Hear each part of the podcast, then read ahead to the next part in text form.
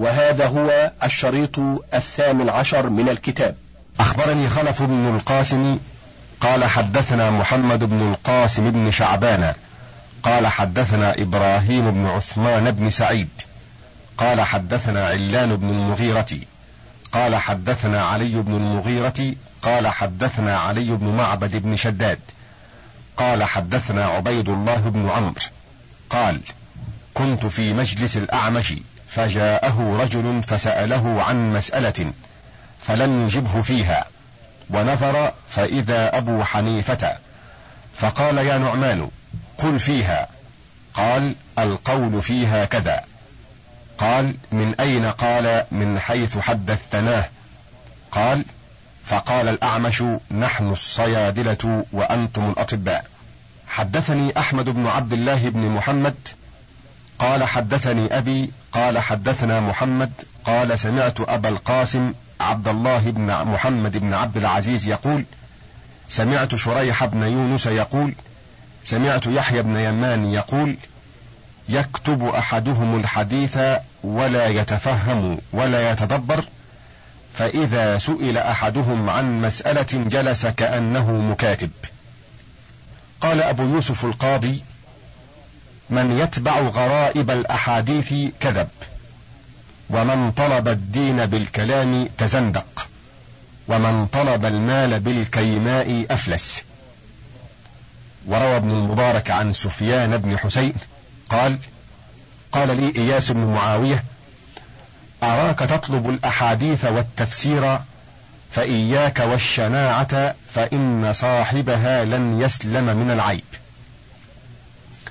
حدثني أحمد بن محمد قال حدثنا أحمد بن الفضل قال حدثنا محمد بن جرير قال حدثني أبو السائب قال سمعت حفص بن غياث يقول سمعت الأعمش يقول يعني لأصحاب الحديث لقد رددتموه حتى صار في حلقي أمر من العلقم ما عطفتم على أحد إلا حملتموه على الكذب. حدثنا خلف بن أحمد حدثنا أحمد بن سعيد حدثنا إسحاق بن إبراهيم حدثنا محمد بن علي قال سمعت يحيى بن معين يقول سمعت أبا بكر بن عياش يقول سمعت مغيرة الضبي يقول والله لا أنا أشد خوفا منهم من الفساق يعني أصحاب الحديث. وفيما رواه عبدان عن ابن المبارك أنه قال ليكن الذي تعتمد عليه الأثر وخذ من الرأي ما يفسر لك الحديث. وقال وكيع كنا نستعين على حفظ الحديث بالعمل به وكنا نستعين على طلبه بالصوم. حدثنا عبد الوارث بن سفيان حدثنا قاسم بن اسبغ حدثنا أحمد بن زهير حدثنا ابن الأصبهاني حدثنا حفص عن أبي ليلى قال لا يفقه الرجل في الحديث حتى يأخذ منه ويدع. سمعت أبا محمد عبد الله بن محمد بن أسد رحمه الله يقول سمعت حمزة بن محمد بن علي الكناني يقول خرجت حديثا واحدا عن النبي صلى الله عليه وسلم من مئتي طريق أو نحو من مئتي طريق يشك أبو محمد. قال فداخلني من ذلك من الفرح غير قليل وأعجبت بذلك. قال فرأيت ليلة من الليالي يحيى بن معين في المنام فقلت له يا أبا زكريا خرجت حديثا عن النبي صلى الله عليه وسلم من مئتي طريق. قال فسكت عني ساعة ثم قال أخشى أن يدخل هذا تحت هذا ألهاكم التكاثر. وقال عمار بن زريق لابنه ورآه يطلب الحديث يا بني اعمل بقليله تزهد في كثيره. حدثنا خلف بن قاسم حدثنا بكير بن الحسن الرازي أبو القاسم بمصر قال حدثنا أبو يعقوب إسحاق بن إبراهيم البغدادي. قال حدثنا عبد الله بن عبد الصمد ابن أبي خداش الموصلي. قال حدثنا أبي عن أبي عبد الرحمن الجراح بن مليح عن بكر بن زرعة الخولاني عن أبي عتبة الخولاني أن النبي صلى الله عليه وسلم قال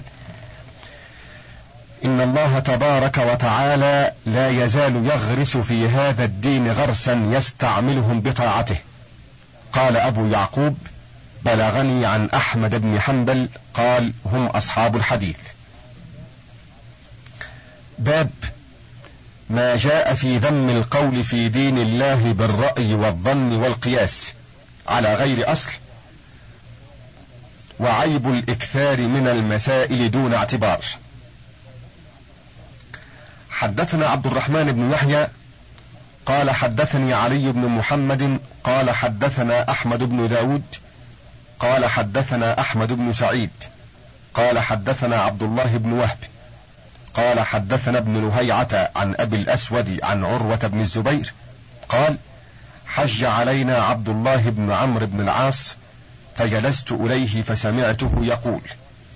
سمعت رسول الله صلى الله عليه وسلم يقول إن الله لا ينزع العلم من الناس بعد إذ أعطاهموه انتزاعا ولكن ينتزعه منهم مع قبض العلماء بعلمهم فيبقى ناس جهال يستفتون برأيهم فيضلون ويضلون.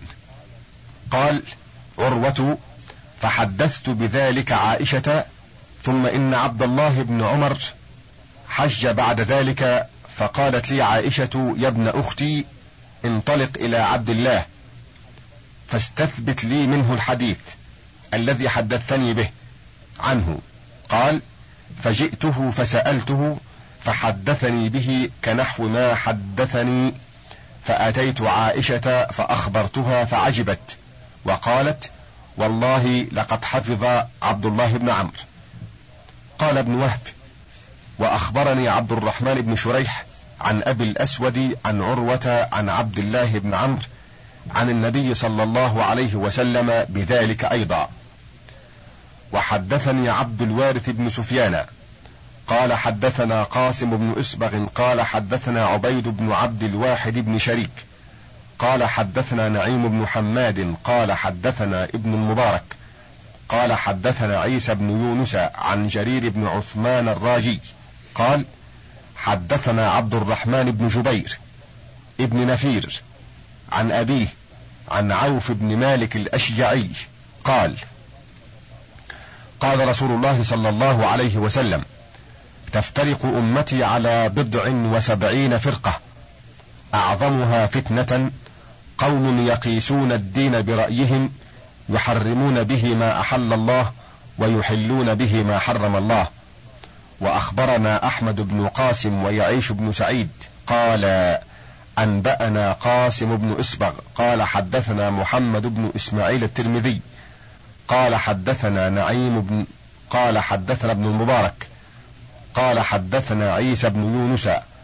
قال حدثنا جرير عن عبد الرحمن بن جبير بن نفير عن أبيه عن عوف بن مالك الأشيعي قال قال رسول الله صلى الله عليه وسلم تفترق أمتي على بضع وسبعين فرقة. أعظمها فتنة على أمتي قوم يقيسون الأمور برأيهم فيحللون الحرام ويحرمون الحلال. حدثنا عبيد بن محمد قال حدثنا عبد الله بن محمد القاضي بالقلزم قال حدثنا محمد بن إبراهيم بن زياد بن عبد الله الرازي قال حدثنا الحارث بن عبد الله بهمدان قال حدثنا عثمان بن عبد الرحمن الوقاصي عن سعيد بن المسيب عن أبي هريرة قال قال رسول الله صلى الله عليه وسلم تعمل هذه الأمة برهة بكتاب الله وبرهة بسنة رسول الله صلى الله عليه وسلم. ثم يعملون بالرأي فإذا فعلوا ذلك فقد ضلوا.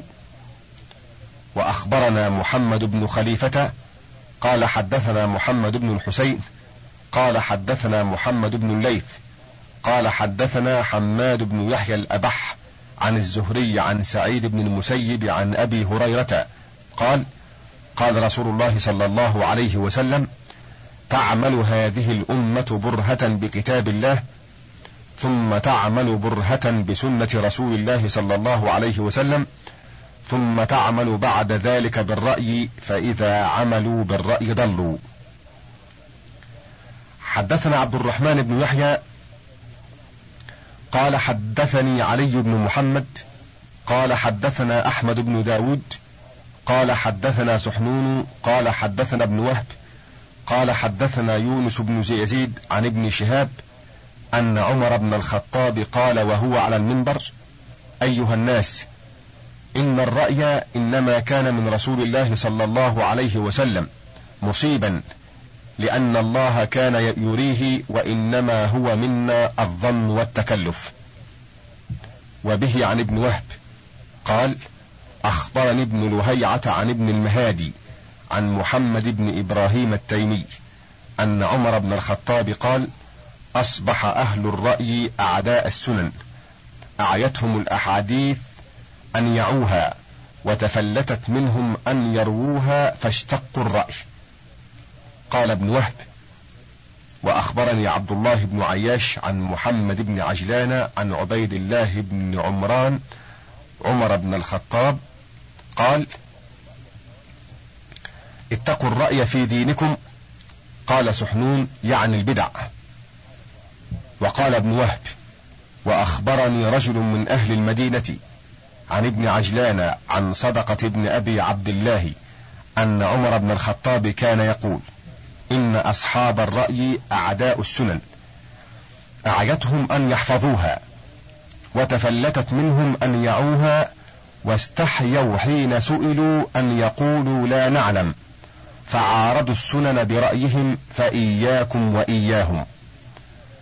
أخبرنا أحمد بن عبد الله بن محمد قال حدثني أبي وأخبرنا عبد الله بن محمد بن يوسف قال حدثنا سهل بن إبراهيم قال جميعا حدثنا محمد بن فطيس قال حدثنا أحمد بن يحيى الأودي الصوفي قال حدثنا عبد الرحمن بن شريك قال حدثني أبي عن مجالد بن سعيد عن عامر يعني الشعبي عن عمرو بن حريث قال قال عمر إياكم وأصحاب الرأي فإنهم أعداء السنن.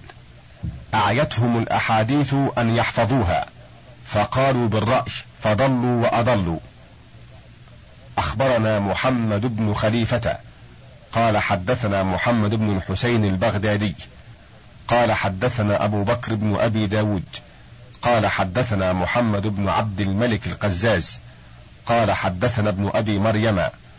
قال حدثنا نافع بن يزيد عن ابن الهادي عن محمد بن إبراهيم التيمي قال قال عمر بن الخطاب إياكم والرأي فإن أصحاب الرأي أعداء السنن.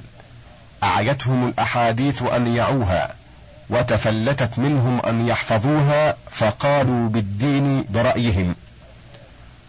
قال أبو بكر بن أبي داود أهل الرأي هم أهل البدع. وهو القائل في قصيدته في السنة ودع عنك آراء الرجال وقولهم فقول رسول الله أزكى وأشرح.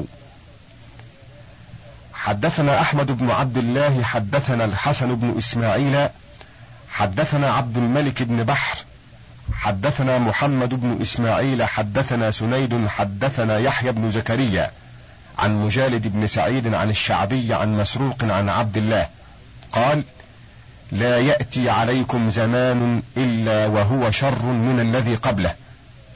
أما إني لا أقول أمير خير من أمير ولا عام أخصب من عام ولكن فقهاؤكم يذهبون ثم لا تجدون منهم خلفا ويجيء قوم يقيسون الأمور برأيهم.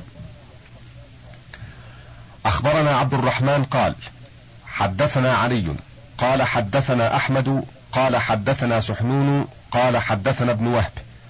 قال حدثنا سفيان عن مجالد عن الشعبي عن مسروق عن عبد الله بن مسعود أنه قال ليس عام إلا الذي بعده شر منه. لا أقول عام أمطر من عام ولا عام أخصب من عام ولا أمير خير من أمير. ولكن ذهاب خياركم وعلمائكم ثم يحدث قوم يقيسون الأمور برأيهم فيهدم الإسلام ويسلم.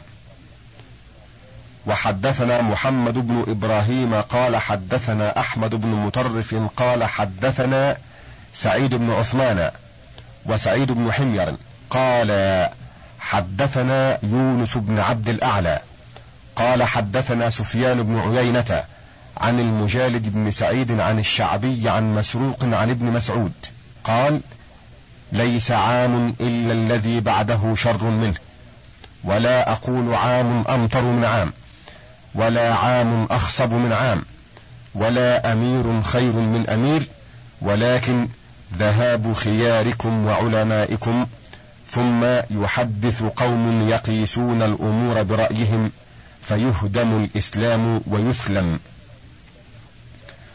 وحدثنا يونس بن عبد الله قال حدثنا محمد بن معاوية قال حدثنا جعفر بن محمد الفريابي قال حدثنا أبو بكر بن أبي شيبة قال حدثنا أبو خالد الأحمر عن مجارد عن الشعبي عن مسروق قال قال عبد الله بن مسعود قراؤكم وعلماؤكم يذهبون. ويتخذ الناس رؤسا جهالا يقيسون الأمور برأيهم. حدثنا أحمد بن عبد الله قال حدثنا الحسن بن إسماعيل قال حدثنا عبد الملك بن بحر قال حدثنا محمد بن إسماعيل قال حدثنا سنيد بن داود قال حدثنا محمد بن فضيل عن سالم بن أبي حفصة عن منذر الثوري عن الربيع بن خيثم أنه قال يا عبد الله ما علمك الله في كتابه من علم فاحمد الله وما استأثر عليك به من علم فكله إلى عالمه ولا تتكلف فإن الله جل وعز يقول لنبيه صلى الله عليه وسلم قل ما أسألكم عليه من أجر وما أنا من المتكلفين إن هو إلا ذكر للعالمين ولتعلمن نبأه بعد حين. قال وحدثنا سنيد. قال حدثنا محمد بن فضيل عن داود بن أبي هند عن مكحول عن أبي ثعلبة الخشني قال قال رسول الله صلى الله عليه وسلم إن الله فرض فرائض فلا تضيعوها ونهى عن أشياء فلا تنتهكوها وحد حدودا فلا تعتدوها. وعفى عن أشياء رحمة لكم لا عن نسيان فلا تبحثوا عنها.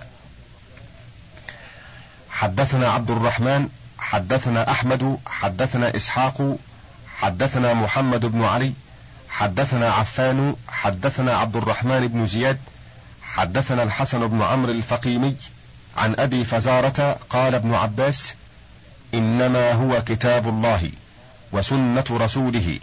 فمن قال بعد ذلك برأيه فما أدري أفي حسناته يجد ذلك أم في سيئاته. أخبرنا عبد الرحمن حدثنا علي حدثنا أحمد حدثنا سحنون حدثنا ابن وهب. قال أخبرني ابن لهيعه عن عبيد الله بن أبي جعفر. قال قال عمر بن الخطاب السنة ما سنه الله ورسوله. لا تجعلوا خطأ الرأي سنة للأمة. قال ابن وهب وأخبرني يحيى بن أيوب عن هشام بن عروة أنه سمع أباه يقول لم لم يزل أمر بني إسرائيل مستقيما حتى أدرك فيهم المولدون أبناء سبايا الأمم فأخذوا برأيهم بالرأي فأضلوا بني إسرائيل. قال ابن وهب وأخبرني عن عيسى ابن أبي عيسى عن الشعبي أنه سمعه يقول إياكم والمقايسة فوالذي نفسي بيده لئن أخذتم لتحلن الحرام ولتحرمن الحلال ولكن ما بلغكم من حفظ عن أصحاب رسول الله صلى الله عليه وسلم فاحفظوه. حدثنا خلف بن قاسم حدثنا محمد بن القاسم بن شعبان حدثنا إسحاق بن إبراهيم بن يونس حدثنا عبد الله بن محمد الضعيف حدثنا إسماعيل بن علية حدثنا صالح بن مسلم عن الشعبي قال إنما هلكتم حين تركتم الآثار وأخذتم بالمقاييس.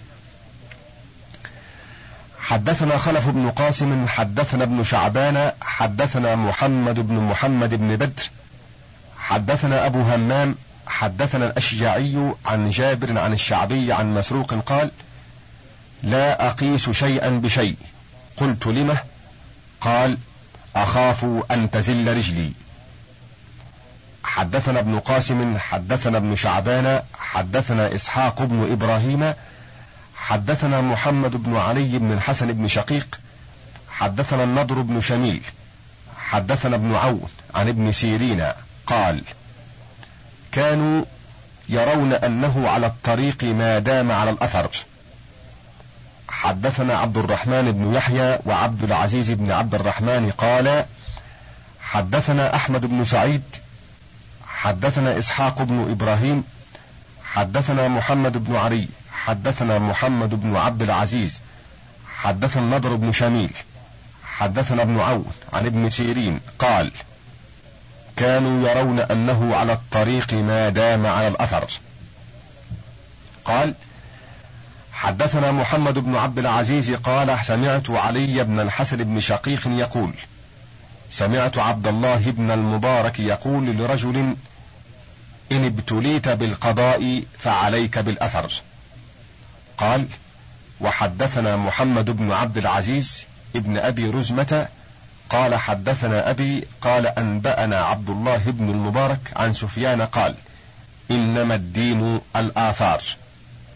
قال وحدثنا ابن أبي رزمة قال سمعت عبدان بن عثمان يقول سمعت عبد الله بن المبارك يقول ليكن الذي تعتمد عليه هذا الأثر.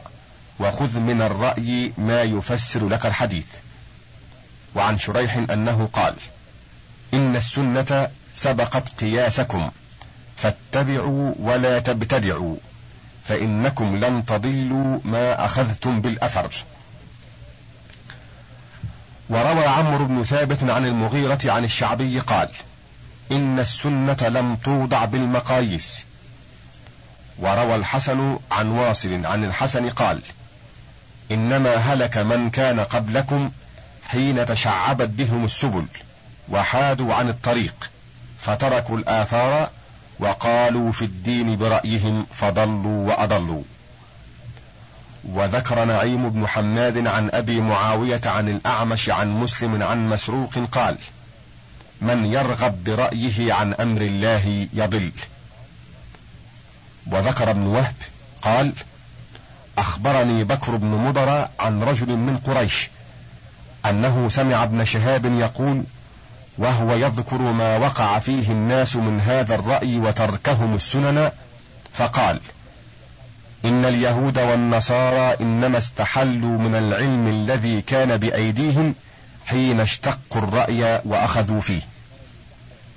قال وأخبرني يحيى بن أيوب عن هشام بن عروة عن أبيه أنه كان يقول السنن السنن فإن السنن قوام الدين. أخبرنا محمد بن محمد قال حدثنا محمد بن أحمد بن يحيى. قال حدثنا ابن الأعرابي. قال حدثنا ابن الزيادي. قال حدثنا يزيد بن أبي حكيم. قال حدثنا سفيان بن عيينة عن هشام عن عروة.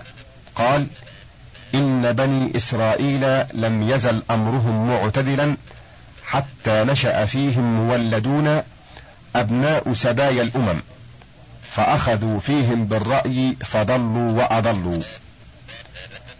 وحدثنا محمد بن خليفة قال حدثنا محمد بن الحسين قال حدثنا أبو بكر ابن عبد الحميد الواسطي قال حدثنا محمد بن المثنى أبو موسى.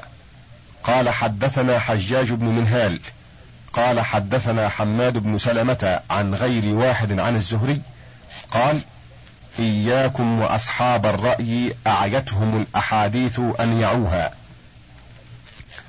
قال أبو عمر اختلف العلماء في الرأي المقصود إليه بالذم والعيب في هذه الآثار المذكورة في هذا الباب عن النبي صلى الله عليه وسلم وعن أصحابه رضي الله عنهم وعن التابعين لهم بإحسان فقالت طائفة الرأي المذموم هو البدع المخالفة للسنن في الاعتقاد كرأي جهم وسائر مذاهب أهل الكلام لأنهم قوم قياسهم وآراؤهم في رد الأحاديث فقالوا لا يجوز أن يرى الله عز وجل في القيامة لأنه عز وجل يقول لا تدركه الأبصار وهو يدرك الأبصار فردوا قول رسول الله صلى الله عليه وسلم إنكم ترون ربكم يوم القيامة وتأولوا في قول الله عز وجل وجوه يومئذ ناظرة إلى ربها ناظرة تأويلا لا يعرفه أهل اللسان ولا أهل الأثر. وقالوا لا يجوز أن يسأل الميت في قبره لقول الله عز وجل أمتنا اثنتين وأحييتنا اثنتين. فردوا الأحاديث المتواترة في عذاب القبر وفتنته وردوا الأحاديث في الشفاعة على تواترها وقالوا لن يخرج من النار من دخل فيها. وقالوا لا نعرف حوضا ولا ميزانا ولا نعقل ما هذا. وردوا السنن في ذلك كله برأيهم وقياسهم إلى أشياء يطول ذكرها من كلامهم في صفات الباري تبارك وتعالى. وقال جماعة من أهل العلم إنما الرأي المذموم المعيب المهجور الذي لا يحل النظر فيه ولا الاشتغال به الرأي المبتدع وشبهه من ضروب البدع. حدثنا محمد بن خليفة قال حدثنا محمد بن الحسين قال حدثنا أبو بكر بن أبي داود قال حدثنا أحمد بن سنان قال سمعت الشافعي يقول مثل الذي ينظر في الرأي ثم يتوب منه مثل المجنون الذي عولج حتى برئ فأعقل ما يكون قد هاج به. وحدثنا محمد بن خليفة قال حدثنا محمد بن الحسين قال حدثني أبو بكر بن أبي داود قال سمعت أبي يقول سمعت أحمد بن حنبل يقول لا يكاد نرى أحدا نظر في هذا الرأي إلا وفي قلبه دغل. وقال آخرون وهم جمهور أهل العلم.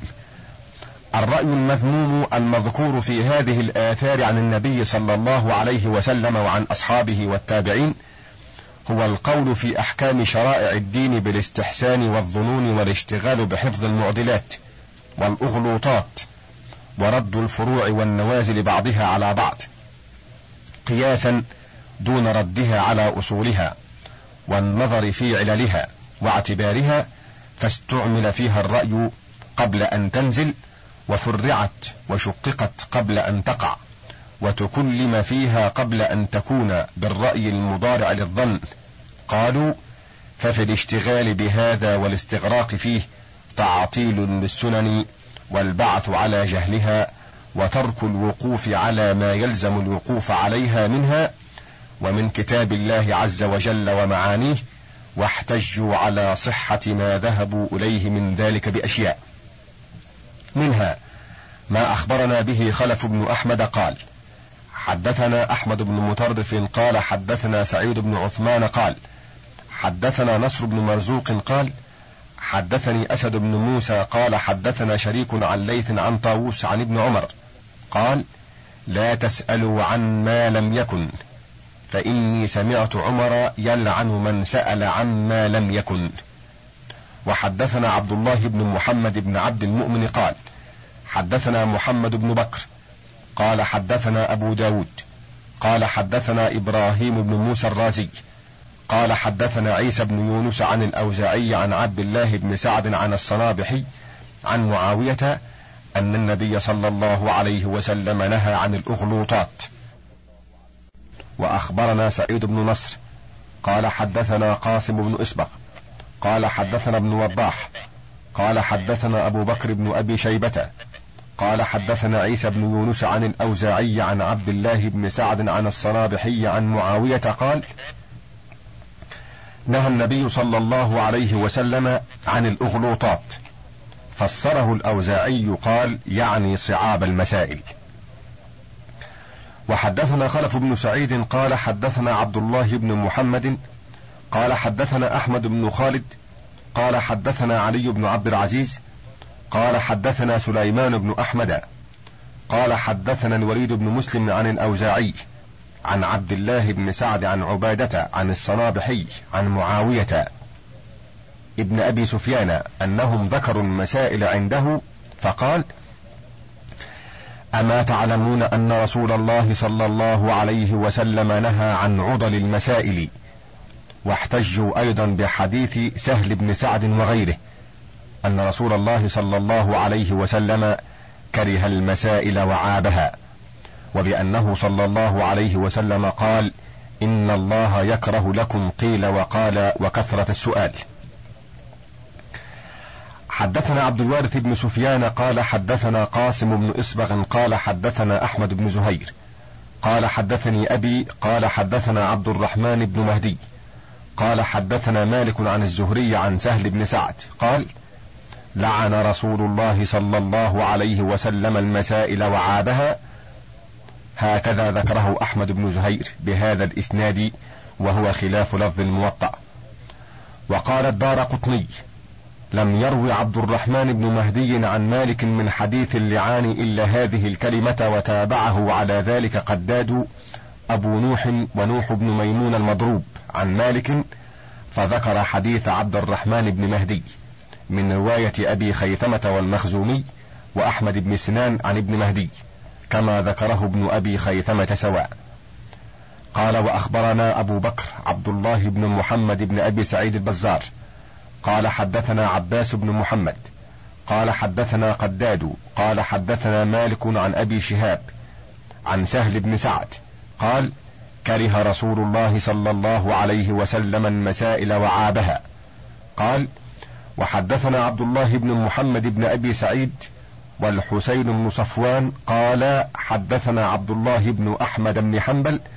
قال حدثني أبي. قال حدثنا نوح بن ميمون. أبو محمد بن نوح قال أنبأنا مالك عن ابن شهاب قال أخبرني سهل بن سعد عن النبي صلى الله عليه وسلم أنه كره المسائل وعابها.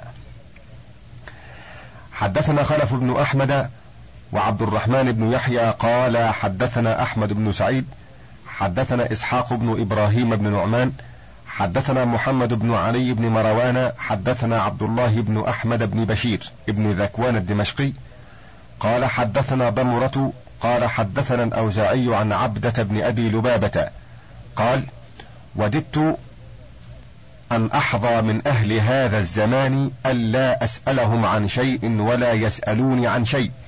يتكاثرون بالمسائل كما يتكاثر أهل الدراهم بالدراهم. أنبأنا عبد الوارث قال حدثنا قاسم قال حدثنا أحمد بن زهير قال حدثنا عبد الوهاب بن نجدة قال حدثنا إسماعيل بن عياش قال حدثنا شرحبيل بن مسلم أنه سمع الحجاج بن عامر الثمالي وكان من أصحاب رسول الله صلى الله عليه وسلم أن رسول الله صلى الله عليه وسلم قال إياكم وكثرة السؤال وفي سماع أشهب سئل مالك عن قول رسول الله صلى الله عليه وسلم أنهاكم عن قيل وقال وكثرة السؤال. فقال أما كثرة السؤال فلا أدري أهو ما أنتم فيه مما أنهاكم عنه من كثرة المسائل. فقد كره رسول الله صلى الله عليه وسلم المسائل وعابها. وقال الله تعالى لا تسألوا عن أشياء إن تبد لكم تسؤكم. فلا أدري أهو هذا أم السؤال في مسألة الناس في الاستعطاء. وقد ذكرنا القول في قيل وقال وإضاعة المال وكثرة السؤال مبسوطا في كتاب التمهيد والحمد لله. واحتجوا أيضا بما رواه ابن شهاب عن عامر بن سعد بن أبي وقاص أنه سمع أباه يقول قال رسول الله صلى الله عليه وسلم أعظم المسلمين في المسلمين جرما من سأل عن شيء لم يحرم على المسلمين فحرم عليهم من أجل مسألته.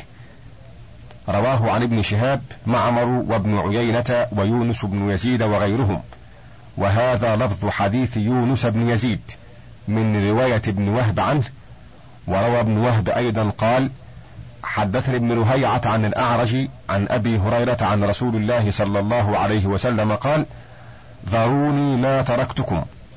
فإنما أهلك الذين من قبلكم سؤالهم واختلافهم على أنبيائهم فإذا نهيتكم عن شيء فاجتنبوه وإذا أمرتكم بشيء فخذوا منه ما استطعتم. قال: وأخبرني يونس بن يزيد عن ابن شهاب عن سعيد بن المسيب وأبي سلمة بن عبد الرحمن عن أبي هريرة عن النبي صلى الله عليه وسلم بنحو ذلك حدثنا محمد بن إبراهيم بن سعيد قال حدثنا سعيد بن أحمد بن عبد ربه قال حدثنا أسلم بن عبد العزيز قال حدثنا يونس بن عبد الأعلى قال حدثنا سفيان بن عيينة عن عمرو عن طاووس قال قال عمر بن الخطاب وهو على المنبر أحرج بالله على كل امرئ سأل عن شيء لم يكن فإن الله قد بين ما هو كائن. وحدثنا محمد قال حدثنا أحمد قال حدثنا سعيد بن عثمان وسعيد بن حمير قال حدثنا يونس فذكر بإسناده مثله. وروى جرير بن عبد الحميد ومحمد بن فضيل عن عطاء بن السائب عن سعيد بن جبير عن ابن عباس قال ما رأيت قوما خيرا من أصحاب محمد صلى الله عليه وسلم ما سألوه إلا عن ثلاث عشرة مسألة حتى قبض صلى الله عليه وسلم كلهم في القرآن يسألونك عن المحيض يسألونك عن الشهر الحرام يسألونك عن اليتامى ما كانوا يسألون إلا عما ينفعهم. نواصل القراءة في باب ما جاء في ذم القول في دين الله بالرأي والظن والقياس. قال أبو عمر: ليس في الحديث من الثلاث عشرة مسألة إلا ثلاث. قالوا: ومن تدبر الآثار المروية في ذم الرأي المرفوعة وآثار الصحابة والتابعين في ذلك علم أنه ما ذكرنا قالوا ألا ترى أنهم كانوا يكرهون الجواب في مسائل الأحكام ما لم تنزل؟ فكيف بوضع الاستحسان والظن والتكلف وتسطير ذلك واتخاذه دينا؟ وذكروا من الآثار أيضا ما حدثنا سعيد بن نصر حدثنا قاسم بن إصبغ حدثنا ابن وضاح حدثنا أبو بكر بن أبي شيبة حدثنا أبو خالد الأحمر عن محمد بن عجلان عن طاووس عن معاذ بن جبل قال قال رسول الله صلى الله عليه وسلم لا تعجلوا بالبلية قبل نزولها فإنكم إلا تفعلوا أوشك أن يكون فيكم من إذا قال سدد أو وفق فإنكم إن عجلتم تشتتت بكم الطرق ها هنا وها هنا. قال وحدثنا سنيت قال حدثنا سفيان عن عبد الملك بن بحر عن الشعبي عن مسروق قال سألت أبي بن كعب عن مسألة فقال أكانت هذه بعد؟ قلت لا. قال حتى تكون. وحدثنا عبد الرحمن بن يحيى قال حدثنا علي بن محمد قال حدثنا أحمد بن داود قال حدثنا سحنون قال حدثنا ابن وهب. قال أنبأنا عبد الرحمن بن أبي الزناد عن أبيه عن خارية بن زيد ابن ثابت عن أبيه أنه كان لا يقول برأيه في شيء يسأل عنه حتى يقول أنزل أم لا فإن لم يكن نزل لم يقل فيه وإن يكن وقع تكلم فيه. قال وكان إذا سئل عن مسألة فيقول أوقعت؟ فيقال له يا أبا سعيد ما وقعت؟ ولكنا نعدها. فيقول دعوها فإن كانت وقعت أخبرهم. قال ابن وهب وأخبرني ابن أبي الزناد عن هشام بن عروة قال ما سمعت أبي يقول في شيء قط برأيه. قال وربما سئل عن الشيء فيقول هذا من خالص السلطان. قال ابن وهب وأخبرني بكر بن مضر عن ابن هرمز قال أدركت أهل المدينة وما فيها إلا الكتاب والسنة والأمر ينزل فينظر فيه السلطان. قال وقال لي مالك أدركت أهل هذه البلاد وإنهم ليكرهون هذا الاكثار الذي في الناس اليوم. قال ابن وهب يريد المسائل. وقال مالك إنما كان الناس يفتون بما سمعوا وعلموا ولم يكن هذا الكلام الذي في الناس اليوم. وكان عمر بن الخطاب يقول إياكم وهذه العضل فإنها إذا نزلت بعث الله إليها من يقيمها ويفسرها. قال ابن وهب وأخبرني ابن لهيعة عن يزيد بن أبي حبيب أن عبد الملك بن مروان سأل ابن شهاب عن شيء فقال له ابن شهاب أكان هذا يا أمير المؤمنين؟ قال لا. قال فدعه. فإنه إذا كان أتى الله بفرج. حدثنا عبد الوارث بن سفيان قال حدثنا قاسم بن إسبغ. قال حدثنا أحمد بن زهير. قال حدثني أبي. قال حدثنا جرير عن ليث عن مجاهد عن ابن عمر قال يا أيها الناس لا تسألوا عما لم يكن. فإن عمر كان يلعن من سأل عما لم يكن. وحدثنا عبد الوارث قال حدثنا قاسم قال حدثنا أحمد بن زهير قال حدثنا أبي قال حدثنا عبد الرحمن بن مهدي قال حدثنا موسى بن علي عن أبيه قال كان زيد بن ثابت إذا سأله إنسان عن شيء قال الله أكان هذا؟ فإن قال نعم. نظر وإلا لم يتكلم. حدثنا أحمد بن عبد الله حدثنا الحسن بن إسماعيل حدثنا عبد الملك بن بحر حدثنا محمد بن إسماعيل حدثنا سنيد حدثنا يحيى بن زكريا عن إسماعيل بن أبي خالد عن عامر قال أتى زيد بن ثابت قوم فسألوه عن أشياء فأخبرهم بها فكتبوها ثم قالوا لو أخبرناه قال فأتوه فأخبروه فقال لعل كل شيء حدثتكم به خطأ إنما اجتهدت لكم رأيي. قال وحدثنا سنيد قال حدثنا حماد بن زيد عن عمرو بن دينار قال قيل لجابر بن زيد إنهم يكتبون ما يسمعون منك قال إنا لله وإنا إليه راجعون. يكتبون رأيا أرجع عنه غدا. قال حدثنا سنيد قال حدثنا يزيد بن العوام عن حوش بن حوشب عن المسيب بن رافع. قال كان إذا جاء الشيء من القضاء ليس في الكتاب ولا في السنة سمي صوافي الأمراء فدفع إليهم فجمع له أهل العلم فما اجتمع عليه رأيهم فهو الحق.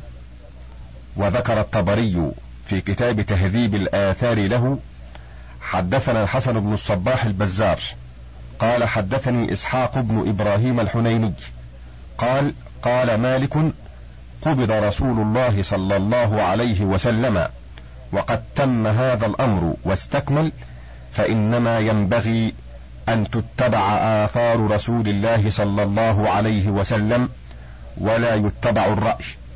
فإنه متى اتبع الرأي جاء رجل آخر أقوى في الرأي منك فاتبعته. فأنت كلما جاء رجل عليك اتبعته أرى هذا لا يتم. وقال عبدان سمعت عبد الله بن المبارك يقول ليكن الذي تعتمد عليه الأثر وخذ من الرأي ما تفسر به الحديث. قال قال ابن المبارك قال مالك بن دينار لقتادة أي علم رفعت؟ قمت بين يدي الله وبين عباده فقلت هذا لا يصلح وهذا لا يصلح.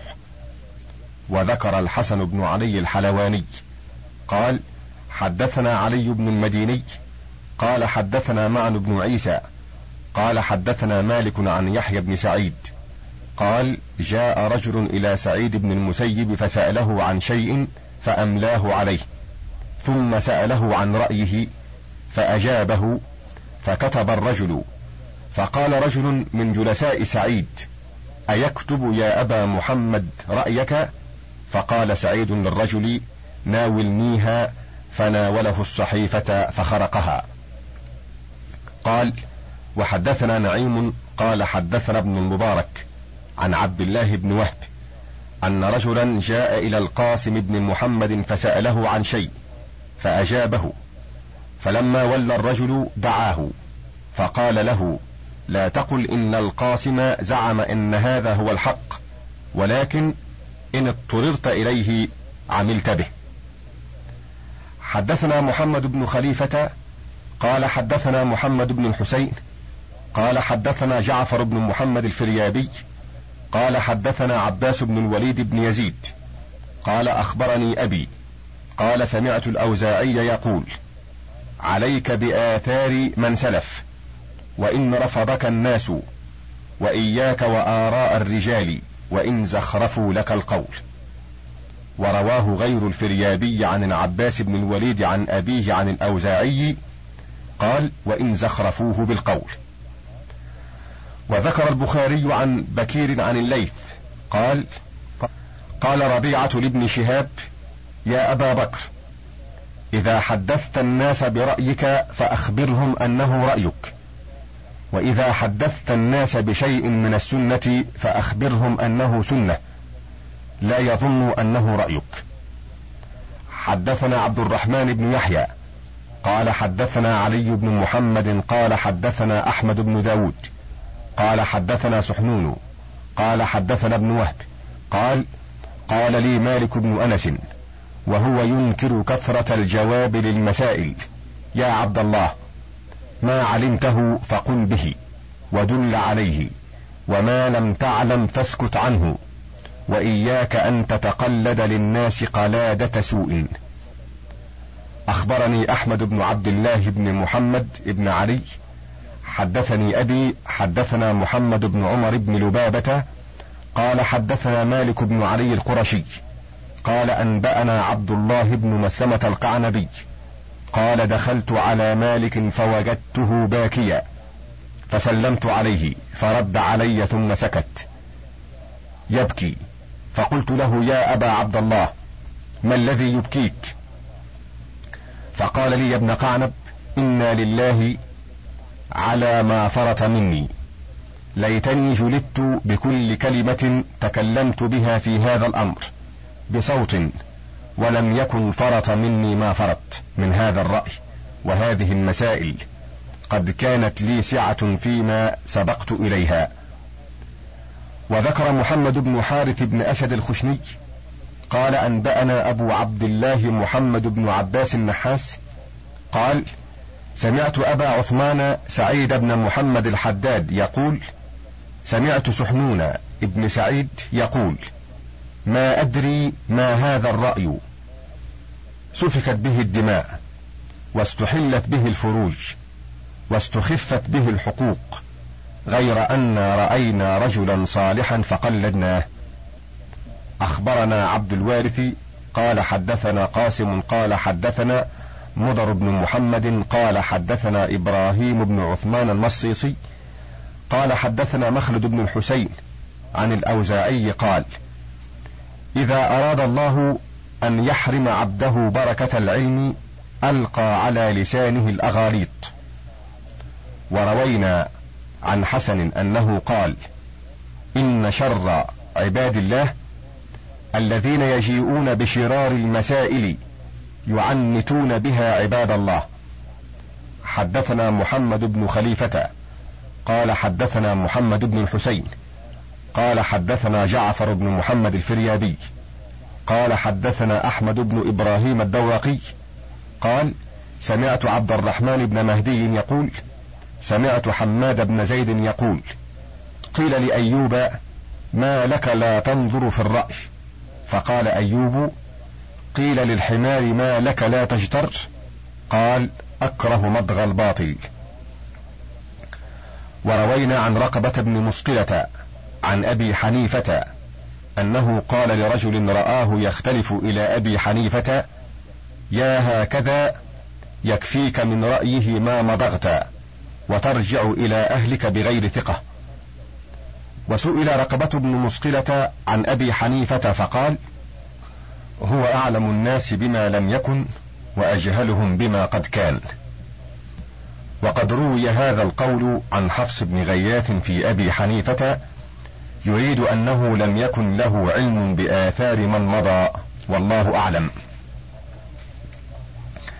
حدثنا حميد بن عبد الله حدثنا الحسن بن إسماعيل قال حدثنا عبد الملك بن بحر حدثنا محمد بن إسماعيل حدثنا سنيد قال حدثنا مبارك عن صالح بن مسلم قال سمعت الشعبي يقول والله لقد بغض هؤلاء القوم إلي المسجد حتى لهو أبغض إلي من كناسة داري.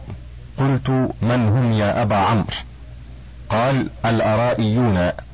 قال ومنهم الحكم وحماد وأصحابه. حدثنا عبد الوارث قال حدثنا قاسم بن إسبغ قال حدثنا ابن وضاح قال حدثنا يوسف بن عدي قال حدثنا عبيدة بن حميد عن عطاء بن السائب قال قال الربيع بن خيثم إياكم أن يقول الرجل لشيء إن الله حرم هذا أو نهى عنه. فيقول الله كذبت لم أحرمه ولم أنه عنه. قال أو يقول إن الله أحل هذا وأمر به فيقول كذبت. لم أحله ولم آمر به. وذكر ابن وهب وعتيق بن يعقوب أنهما سمعا مالك بن أنس يقول لم يكن من أمر الناس ولا من مضى من سلفنا ولا أدركت أحدا اقتدي به يقول في هذا يقول في شيء هذا حلال وهذا حرام.